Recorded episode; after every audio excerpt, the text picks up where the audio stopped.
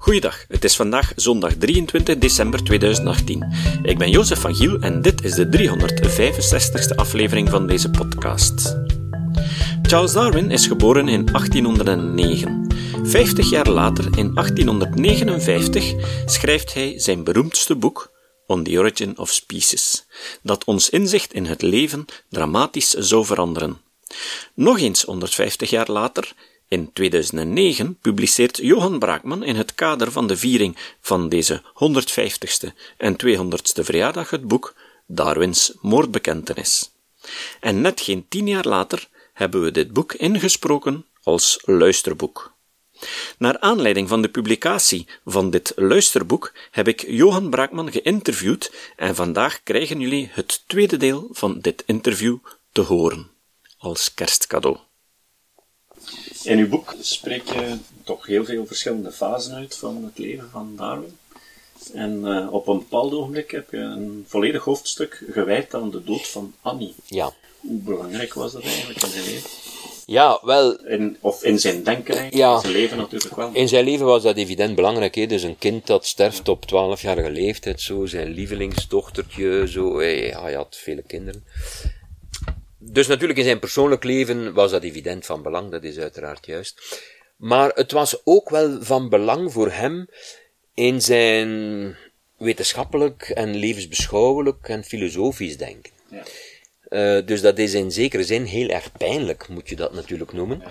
Omdat hij misschien in zekere zin beter dan wie ook in de 19e eeuw snapte dat ook de mens een product is van evolutie.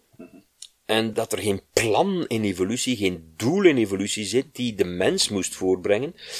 Hij verloor zijn geloof daardoor ook. Dus de dood van een kind is in, in de diepste zin van het woord zinloos, betekenisloos. Dus Darwin snapte, eh, er, er is geen troost te vinden in het idee van, ja, dat zal wel ergens een betekenis hebben, of, of God heeft het misschien zo gewild, eh, hoe bizar ook, en, en voor ons is dat ondoorgrondelijk, maar we accepteren dat van God, en, en daarna komt er een hiernamaals en zo. Darwins eigen theorie had dat eigenlijk allemaal ondergraven. En hij begreep dat zelf zeer goed. Dat dat, dat weggevallen was. Dus daarom is de evolutietheorie niet louter een wetenschappelijke theorie. Er zijn heel wat mensen die denken, kijk, eh, evolutietheorie hoeft geen enkele, hoeft geen probleem te zijn voor religie of levensbeschouwing enzovoort, want het is strikt louter een wetenschappelijke theorie. Ja, dat is zo waar en niet waar tegelijk, snap je? Het is natuurlijk een theorie die wetenschappelijk ons iets leert over het leven en evolutie en adaptatie en, en, en metabolisme en anatomie en organen en, en, alles wat in de natuur zich bevindt enzovoort. Maar je kunt er niet aan ontsnappen dat ze door het feit dat ze wetenschappelijke verklaringen biedt, natuurlijk ook andere verklaringen wegneemt, Ja. verklaringen die wel een soort levensbeschouwelijke ondersteuning boden vroeger. Als je bijvoorbeeld zegt, Gods hand is merkbaar in het leven op aarde, hij heeft ervoor gezorgd dat de dingen zo mooi en zo knap in elkaar zitten enzovoort. Als je dus je, je godsgeloof daarop baseert, wel ja, het is niet anders. Evolutietheorie heeft dat natuurlijk ehm ondergraven. Om niet te zeggen, heeft dat eigenlijk, ja, Ja. in één klap van tafel geveegd, dat soort. Ja, ja. Dat is ook de reden waarom er nog altijd zoveel discussie rond is vanuit religieus oogpunt. En het raakt natuurlijk ook aan zingeving en aan, aan, aan hoe je omgaat met, met, met de dood en met ziekte en lijden enzovoort. Hè? Ja, want als evolutie geen doel heeft, heeft een individueel leven ook geen doel. Wel, het is te zeggen, dat is voor mij persoonlijk eh, het, het, de nuance die ik hier toch wil aanbrengen. Ik denk dat evolutietheorie, net zoals trouwens wetenschap in het algemeen, hè, ook de kosmologie bijvoorbeeld doet dat denk ik meer en meer. Evolutietheorie en aanverwante wetenschappen maken duidelijk, het leven met grote letters heeft geen zin, geen doel, geen betekenis. Maar wij mensen hebben, dankzij evolutie, maar niet bedoeld, wel hersenen ontwikkeld die het mogelijk maken om individueel, persoonlijk en in groep ook, en zelfs als soort, het leven zinvol te maken. Ja. Maar dat zijn twee verschillende dingen. Ik vind het leven met kapitalen niet zinvol. Ik, ik vind zelfs de, het universum niet zinvol in zekere zin. Hè? Maar ik vind mijn persoonlijk leven wel zeer zinvol. En ik denk dat jouw leven zeer zinvol is, enzovoort. En ik denk dat wij in staat zijn om een zinvol leven te leiden. Maar dat is het soort zinvolheid met kleine letters. Dat is een, een, een in de tijd en ruimte beperkte vorm van zinvolheid. Ja. En ik kan bijvoorbeeld zeggen, ja, mijn dood, uh, heeft die dood zin? Nee, die dood op zich geeft in het grotere geheel van de dingen geen zin. Dat is een zinloos iets, mijn dood. Zoals mijn leven een zinloos iets is. Maar wie weet kan mijn leven inspirerend werken en dan kan er ook na mijn dood misschien nog uh, iets aan vasthangen dat positief kan genoemd worden enzovoort. Dus je kunt dat onderscheid maken. En ik denk dat veel mensen dat met elkaar misschien verwarren. Zij denken, ja, maar als die evolutietheorie ons leert dat het biologische leven zoals wij dat hier op aarde kennen, nergens naartoe gaat, en dus uh, gewoon een willekeurig parcours volgt, gereguleerd door variatie en selectie, dan what's the point van het leven zoals ik het hier nu leef en van andere mensen nu leven enzovoort. Dat is een misvatting.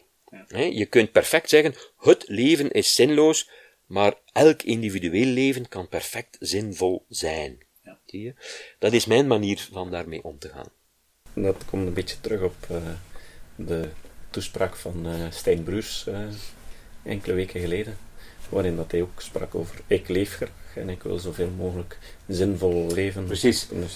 Dus kijk, ook mensen die evolutietheorie ten volle accepteren, en niet in een God geloven of in een groter plan geloven en, en in en grotere doelen enzovoort, kunnen niettemin toch bijzonder geëngageerd zijn en, en het leven zinvol vinden en het zinvol willen maken, ook voor andere mensen, en zeer moreel uh, betrokken zijn enzovoort. Vet, dat tonen de feiten ook aan hier. Er zijn tal van mensen.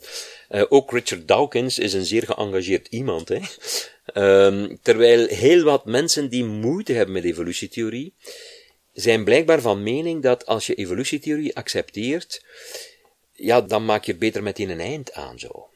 Dus, dus, waarom leef je dan nog? What, what's the point? Enzovoort. Ik snap ergens wel waarom mensen dit denken, maar het is natuurlijk een kolossaal misverstand tegelijkertijd. En heeft dat te maken met de moordbekentenis van Darwin? Wat was zijn moordbekentenis eigenlijk? Ja, dus uh, ik heb de titel van het boek ontleend aan een, een zin in een brief van hem die hij schreef naar een vriend, uh, Hooker, een man van zijn leeftijd, van zijn generatie, een botanicus, hè, een zeer goede Die hij ook veel citeert in On the Originals. Juist, hè, die goede studies heeft gepubliceerd, ook zo'n reis had gemaakt en zo, zoals Darwin zelf. Enfin, een zeer goed wetenschapper, hè, een plantkundige. En, en je weet dat, uh, dat Darwin uh, heel lang geaarzeld heeft om zijn theorie te publiceren, hè, om allerlei redenen vooral wetenschappelijk, hij wou, hij wou zekerheid. Hè. Dus heeft er heel lang aan gewerkt. Maar toch, in brieven liet hij zo hier en daar toch al eens doorschemeren dat hij aan een evolutietheorie werkte. En dat was zeer controversieel, want uh, er waren al voor hem evolutietheorieën gepubliceerd. Meest bekend is die van Lamarck, uh, 1809. Dus 50 jaar voor Darwin. Maar die waren, ik zal maar zeggen, weggelachen. Ja, en dus Darwin wou dat natuurlijk niet, uh, hij wou niet dat hem dat overkwam. Maar goed, hij werkte aan een evolutietheorie. En uh, hij schreef dus naar, naar Hooker, ja, ik zal u maar iets bekennen. Het is eigenlijk bijna als een moord bekennen. Ik, uh, ik werk aan een uh, evolutietheorie, een evolutionaire benadering van de natuur. En die moordbekentenis, hij zegt dat zelf, he, it is like confessing, confessing a murder. Wat betekent, wat bedoelde hij daar eigenlijk mee? Wat betekent dat? En ik denk dat dat, ja, niet zomaar ironisch was of, ik denk dat hij zeer goed snapte toen al, dat hij met zijn evolutietheorie heel wat uh, heilige huisjes zou ja. omvergooien. Ja. Dus dat hij niet alleen maar een alternatieve wetenschappelijke visie op het leven op aarde bracht, maar dat hij het in één klap ook ja, automatisch onvermijdelijk over zingeving en, en de, de zin van het leven en doelen en, en, en, en godsgeloof en moraliteit en al die dingen.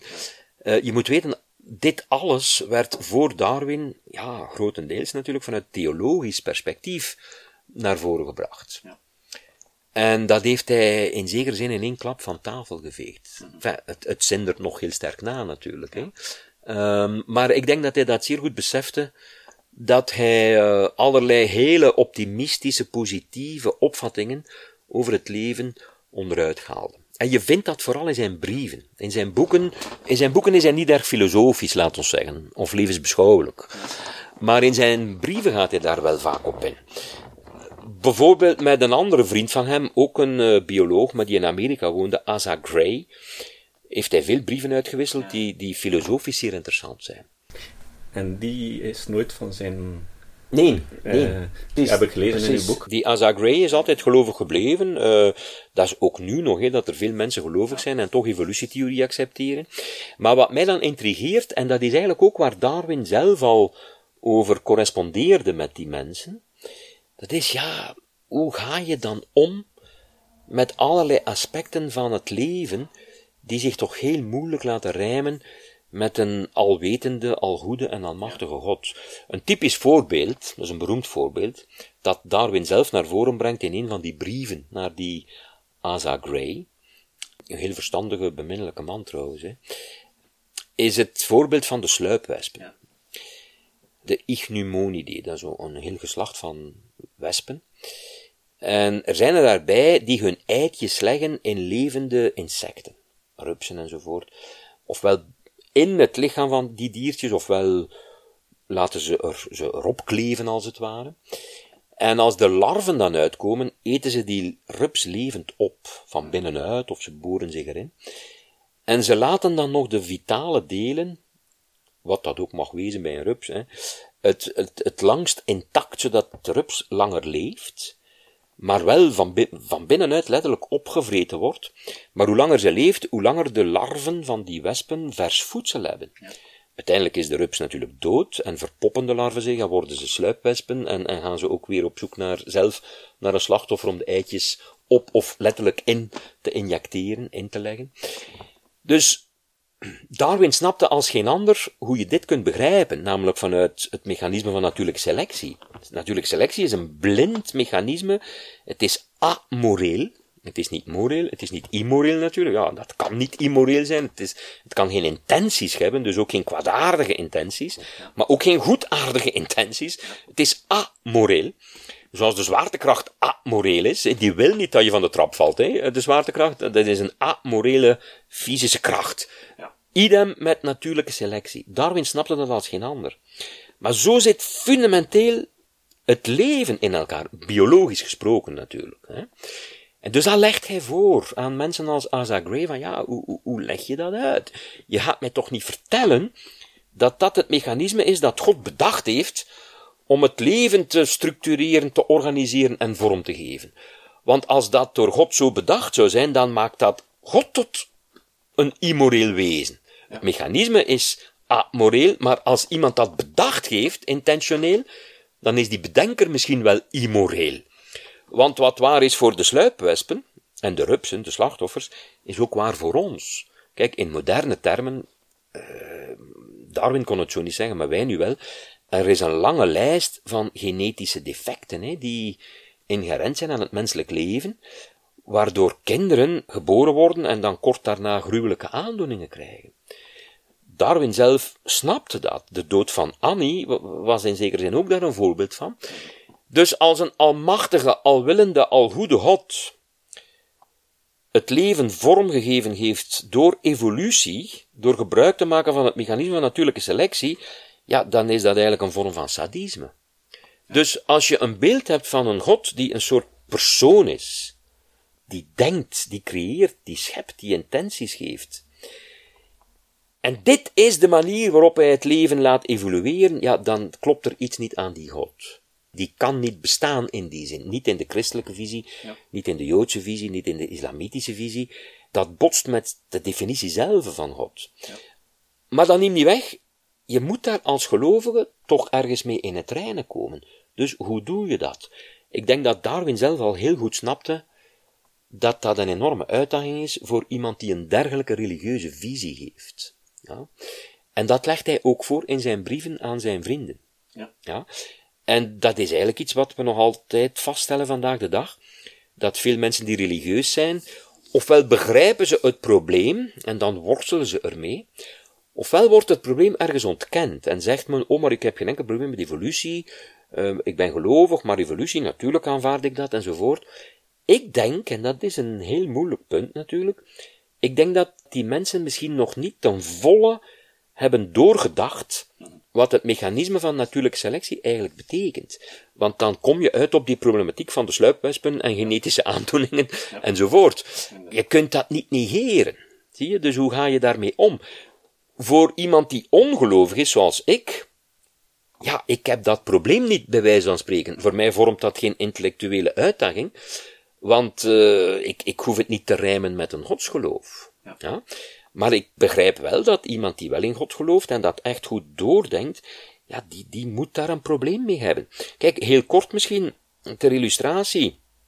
Er is een brief geschreven in de jaren 90 door de paus, uh, Wojtyla, de Poolse paus, naar zijn eigen pontificale academie voor wetenschappen, waarin hij zegt, kijk, evolutie is een feitelijk iets en zo, en, en uh, katholieken uh, moeten dat gewoon aanvaarden, hè. De, de, wij aanvaarden de wetenschap, uiteraard, mogen daar niet blind voor zijn, of dat ontkennen enzovoort. Eigenlijk gaat hij daarmee in tegen het creationisme dus. Hè. Die brief werd in die zin natuurlijk positief onthaald in wetenschappelijke kringen en zo. De paus is mee en hij vindt dat de katholieken ook moeten mee zijn enzovoort. Dus dat is allemaal zeer positief. Maar er was een bisschop, Schönborn geloof ik heet hij, die zelf aangaf, onder meer in een stuk in de New York Times, die zelf aangaf, ja, wat de paus bedoelt is dat wij wel evolutie aanvaarden, maar niet het mechanisme van natuurlijke selectie. En hier wordt het ja, ja, ja. technisch interessant. Wat je dus hebt eigenlijk, is dat, ik spreek nu voor katholieke gelovigen, want het verschilt van religie tot religie ook wel. Binnen het christendom. Maar binnen het christendom, het katholicisme, heeft eigenlijk, voor de mensen die er echt mee bezig zijn, hè, want ja, niet iedereen houdt zich daar ten gronde mee bezig natuurlijk, heeft een soort theïstische evolutie ontwikkeld. En dat bestaat al lang. Denk aan Teilhard de Chardin, ja. uh, jezuïet, maar ook paleontoloog, die een bekend boek heeft geschreven, uh, Le Phénomène Humain. Dat is zo'n typisch boek van een katholieke denker, die zelf trouwens paleontoloog was, en die tracht evolutie te rijmen met zijn geloof. En dan krijg je dus zo'n visie op evolutie, die, die ja, door God aangestuurd wordt, en, en God stuurt het naar de goede kanten uit, enzovoort, enzovoort. En God heeft voor de alle positieve dingen gezorgd, moraliteit en bewustzijn en weet ik veel wat allemaal. En dat is allemaal heel sympathiek, maar dat is niet hoe evolutie werkt. Dat is een soort ontkenning van het basisinzicht van Darwin zelf, en dat is het mechanisme van selectie. En dus, ja, Teilhard de Chardin is natuurlijk met de grond gelijk gemaakt door de evolutiebiologen toen ter tijd. Peter Medawar bijvoorbeeld heeft een beroemde recensie geschreven, waarin hij uitlegt, ja, die Teilhard de Chardin, sorry, maar dit is niet hoe evolutie werkt. Dat is een soort wishful thinking over hoe evolutie liefst zou moeten werken vanuit katholiek perspectief. Ja. En dat heb je tot op de dag van vandaag. Maar ja, het spijt mij zeer, maar dat strookt niet met de kern van de zaak. Is dat veel verschillend met uh, intelligent design eigenlijk? Eigenlijk is het een beetje hetzelfde. Eigenlijk lijkt dat daar wel sterk op natuurlijk. Hè? Die gaan misschien nog een Maar die gaan verder. in hun, die zijn verder gegaan, het is nu ook weer een beetje over zijn hoogtepunt, die zijn verder gegaan in die zin dat ze ook hele concrete voorbeelden hebben gegeven van hoe God bepaalde structuren zo in elkaar gepuzzeld hebben zij willen daarmee aantonen dat, uh, dat dat niet door evolutie en selectie is kunnen zijn ontstaan, en dus dat God eigenlijk zo nu en dan eens moet tussenkomen is. Ja, dat is gelijk het flagellum van... Uh... Bijvoorbeeld, ja, hè, dat zo'n soort buitenboordmotortje zo, dat het flagellum wordt dan aangedreven.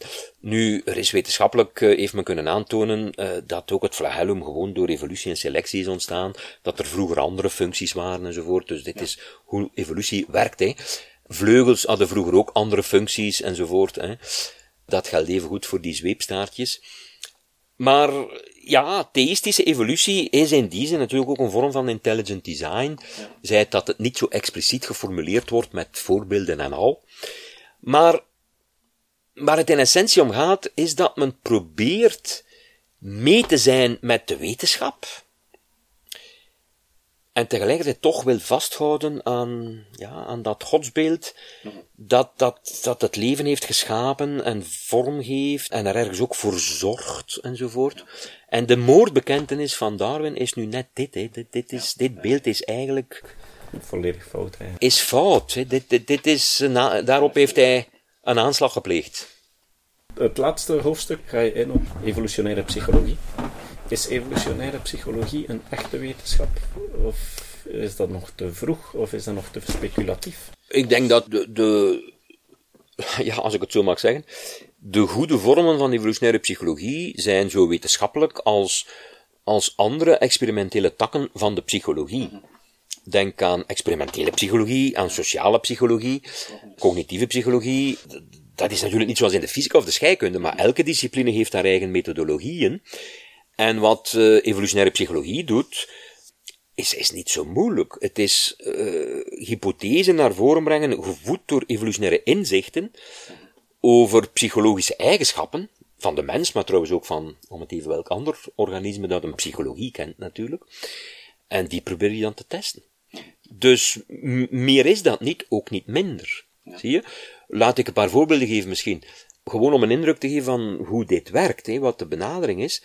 Stel dat je wil weten waarom hebben mensen bepaalde emoties. Waarom hebben wij bijvoorbeeld zoiets als uh, een schuldgevoel of een schaamtegevoel, uh, dat is al eerder in ons gesprek naar voren gekomen.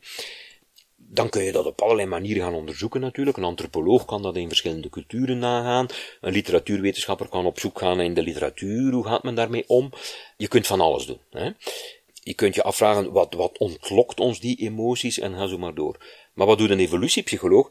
Die vraagt zich gewoon af, vanuit evolutionair oogpunt, hoe komt het dat mensen een soort zijn die dit soort morele emoties kent? En dan kun je begrijpen, ja, dit is eigen aan het feit dat wij sociale wezens zijn, we zijn groepsdieren, en emoties reguleren het groepsgedrag. Als je bijvoorbeeld normen voortdurend overtreedt, normen van de groep waartoe je behoort, en je wordt berispt, of op je vingers getikt, maar je ervaart niet een vorm van schuld of schaamtegevoel, dan is de kans natuurlijk groot dat je het dat je uitgesloten wordt. Dat je het opnieuw doet, dat je zelf een fout maakt en dat je uitgesloten wordt. Op een bepaald moment zegt men, ja maar vriend, jij maakt hier altijd dezelfde fout en je vertoont geen enkel schuldgevoel, dus je, je bent hardleers, we gooien je uit de groep, want je profiteert en je, je draagt niks bij. Dus ik, ik vat het... belangrijk voor de overleving. Precies, en dus je kunt je dus voorstellen, wij zijn nakomelingen van mensen die wel een vorm van, in het begin misschien zeer minimaal, schuldgevoel hadden, en mensen die dat niet hadden, ja, hadden statistisch gesproken minder overlevingskansen. Dus dit is een hypothese, vanuit die evolutionaire inzichten gevoed. Het is geen slechte hypothese, denk ik. Je, je, kunt, je kunt dezelfde redenering op vele andere zaken toepassen. Dit is wat een evolutiebioloog ook doet als hij wil weten hoe een orgaan ontstaan is, of een vorm van gedrag ontstaan is, bij dieren bijvoorbeeld. Maar dat kun je dan ook gaan testen. Je kunt daar dan hypothesen uit afleiden, zoals, als dit klopt, dan moet er sneller een schuldgevoel of een heviger schuldgevoel ontstaan bij dat soort overtredingen van normen die van groter belang zijn voor de cohesie van de groep dan bij andere zaken enzovoort. Snap je? Dus je kunt daar dan allerlei gedachteoefeningen mee gaan doen, die je dan vervolgens ook kunt proberen te gaan testen. En dat is, dat is ondertussen ja, in duizenden studies uh, gebeurd. Dus evolutiepsychologie is geen alternatieve discipline. Ja. Het vervangt niks. Het biedt ons gewoon een extra dimensie, namelijk het historische, evolutionaire perspectief. Het is misschien de basis waarop dat je andere psychologische disciplines Precies, kan opbouwen. precies. En Ja, koppelen aan de precies. biologie. Maar het is net zoals je evolutionaire geneeskunde hebt. Kijk, je kunt, men moet gewoon, hè, dat is de essentie, men moet gewoon het onderscheid inzien tussen wat men noemt proximaal en distaal, of proximaal en, en evolutionair, of, of proximate en ultimate. Dat komt met verschillende termen, maar het is niet zo moeilijk om het te begrijpen. Je kunt bijvoorbeeld een bioloog zijn of een medicus en je afvragen hoe werkt een spier, hoe werkt het hart, zo'n spier, hoe werkt de maag en, enzovoort. Dan doe je aan anatomie en, en dan onderzoek je de functie, de milt, wat doet dat eigenlijk, de pancreas, waarvoor dient dat enzovoort. Oké. En hoe werkt dat? Hoe zit dat in elkaar? Maar je kunt je ook afvragen, hoe kunnen we dat historisch begrijpen, dat wij mensen een mild hebben? Hoe, hoe is dat zo gekomen? Want wij hadden evengoed misschien niet een mild kunnen hebben. Zie je? Als je die tweede vraag stelt, dan doe je aan evolutionaire geneeskunde of evolutionaire anatomie. Dat sluit uw functionele anatomie niet uit. Dat is daar eigenlijk gewoon complementair aan. Ik vergelijk dat graag als volgt. Stel, je bent Egyptoloog en, en je staat daar voor de piramides in Egypte. Wat kun je daar dan over onderzoeken en over vertellen? Je kunt je bijvoorbeeld afvragen, hoe groot zijn die dingen? Oké, dat is nuttig om weten. Waaruit zijn ze opgebouwd? Ja, uit stenen enzovoort. Hè? Uh, en hoe zijn die stenen hier geraakt? Ach, door, door slaven en zo, die dat naar hier getrokken hebben over boomstammen, weet ik veel enzovoort. Dus je kunt daar allerlei dingen zinnig over beantwoorden, zinnige vragen over stellen en, en op zoek gaan naar antwoorden. Maar een beetje Egyptoloog vraagt zich natuurlijk ook af, ja, waarom zijn ze daar opgekomen om die dingen in the first place te bouwen? Hè? Wat is de diepere dimensie daarvan enzovoort? Eigenlijk is dat zeer vergelijkbaar met wat ik hier probeer uit te leggen. Hè? Dus je hebt het functionele perspectief en dan heb je de geschiedenis die uitlegt waarom er überhaupt zo'n functie is ontstaan. Je? je? kunt je afvragen, wat doet de zwaluwen in de herfst naar uh, Afrika vliegen? En dan kun je zeggen, oh, uh, uh, er, het, het, wordt sneller donker, het wordt kouder, en dat triggert iets in hun hormonale huishouding, en, en, en op een bepaald moment zorgt dat ervoor dat ze dus naar het zuiden gaan vliegen.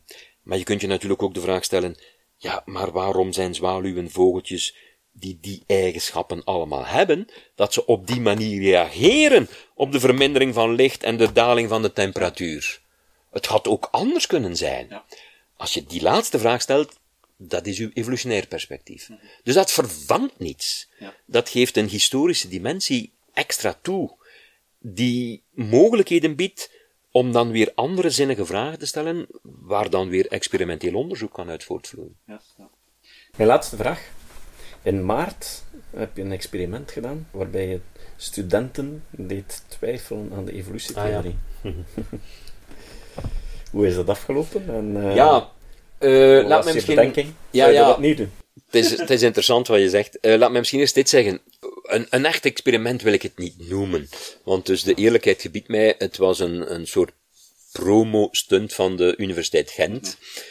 Die als slogan heeft, dat weet je, als motto durf denken. Hè, dat gaat terug tot Immanuel Kant, de verlichtingsfilosoof, die zei, uh, bedien u van uw eigen verstand, durf denken. Een beetje verlichtingsslogan zo. Hè. En de Universiteit Gent ja, hanteert die slogan ook. En dus eh, de bedoeling was dat er een aantal proffen in hun lessen nogal controversiële uitspraken zouden doen, in de hoop dat de studenten zouden durven denken, en uh, dus onmiddellijk of, of vrij snel zouden reageren en hun vinger zouden opsteken en, en zouden protesteren en zouden zeggen, maar professor, uh, wat voor nonsens kramt je daar nu uit, enzovoort.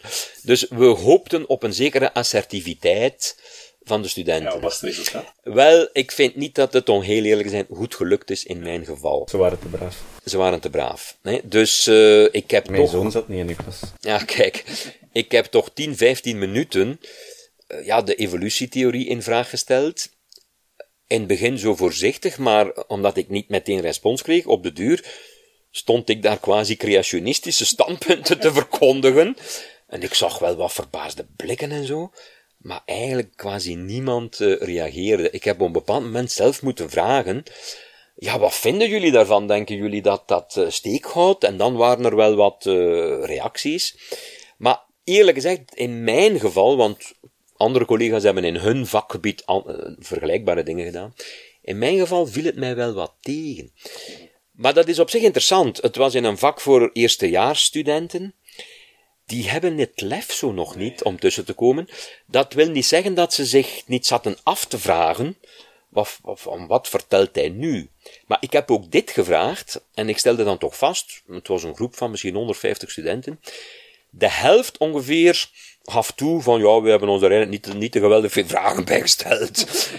De andere helft zei van, ja, ik zat mij toch af te vragen van, dat klopt hier toch niet. Maar eigenlijk vrijwel niemand durfde dus uh, assertief tussenkomen en betwisten wat ik zei. Dat is op zich ook leerzaam, hè? Dat is, dat is op zich leerzaam, maar het viel in zekere zin ook een beetje tegen.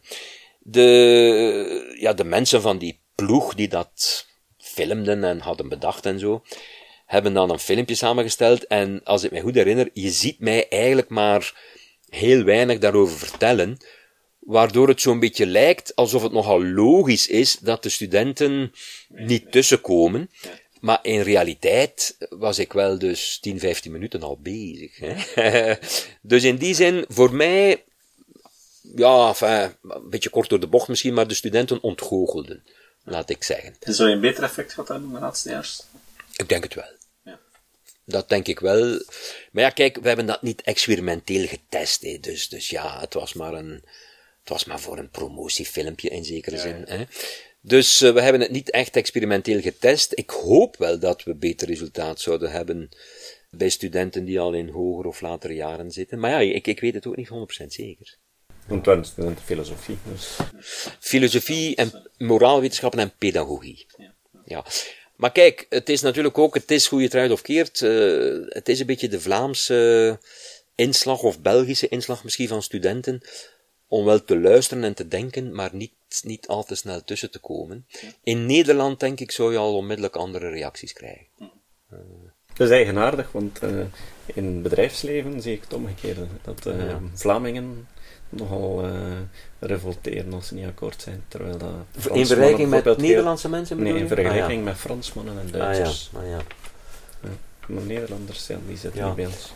Wel, in mijn ervaring, en dat is ook zo wel een soort algemeen cliché bijna, Nederlandse studenten komen heel snel tussen, soms misschien te snel, want je bent nog maar twee minuten aan het praten of ze hebben al bedenkingen, terwijl je dat allemaal nog moet behandelen in je les, die tenslotte toch een paar uur duurt.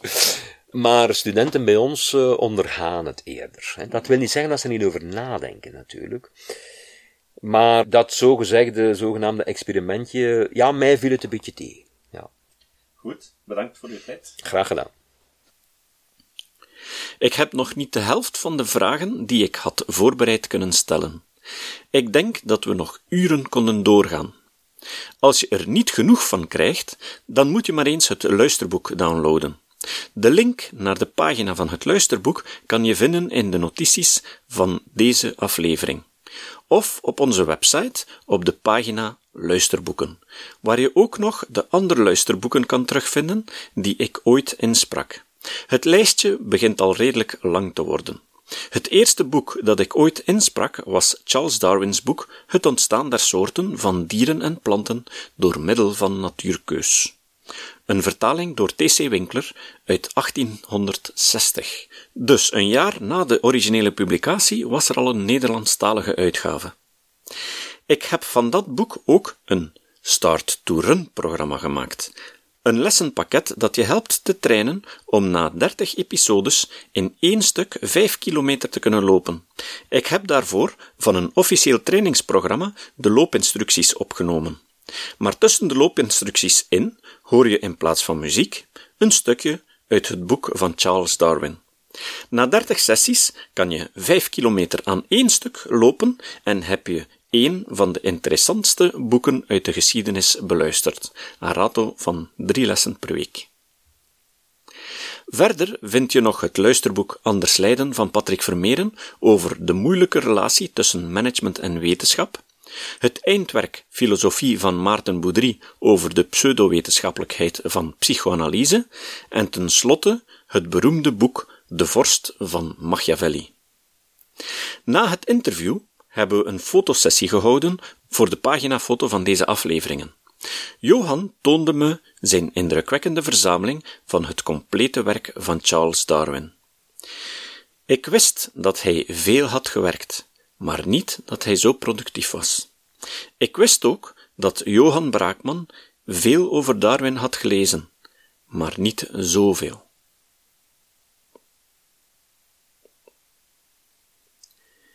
Het citaat. Het citaat van vandaag komt van Bill Maher. Bill Maher is een Amerikaanse komiek die regelmatig afgeeft op religie. Maher zei: Religie is geloof en verering van een bovenmenselijke, controlerende macht, en atheïsme is net dat niet. Atheïsme is een religie zoals seksuele onthouding een seksstandje is. Tot de volgende keer. Deze podcast is het resultaat van het werk van veel mensen. Rick de Laat verbetert bijna al mijn teksten en maakt de meeste vertalingen. Emiel Dingemans verzorgt onze website en Facebookpagina. Ook Leon Korteweg en Stefan Sutens schrijven, vertalen of verbeteren soms artikelen. Leon onderhoudt bovendien het YouTube-kanaal van deze podcast. De muziek van de intro en de trailer heeft Nick Lucassen geschreven en soms maken we ook gebruik van muziek van Ad van Nederpelt, die ons zijn prachtige composities ter beschikking stelt. Dit was de podcast Kritisch Denken. Vergeet niet om alles kritisch te behandelen, ook deze podcast. Voor verdere informatie over deze podcast, links en voor de tekst, surf naar www.kritischdenken.info. Als je deze podcast belangrijk vindt, kun je me steunen door anderen warm te maken ook eens te luisteren. Stuur een e-mail naar vrienden met een link naar de website en plaats de link in de handtekening van je e-mails. Tevens kun je op iTunes deze podcast een beoordeling geven of een recensie schrijven. Of je kan op je eigen website of blog een link naar kritisch denken plaatsen.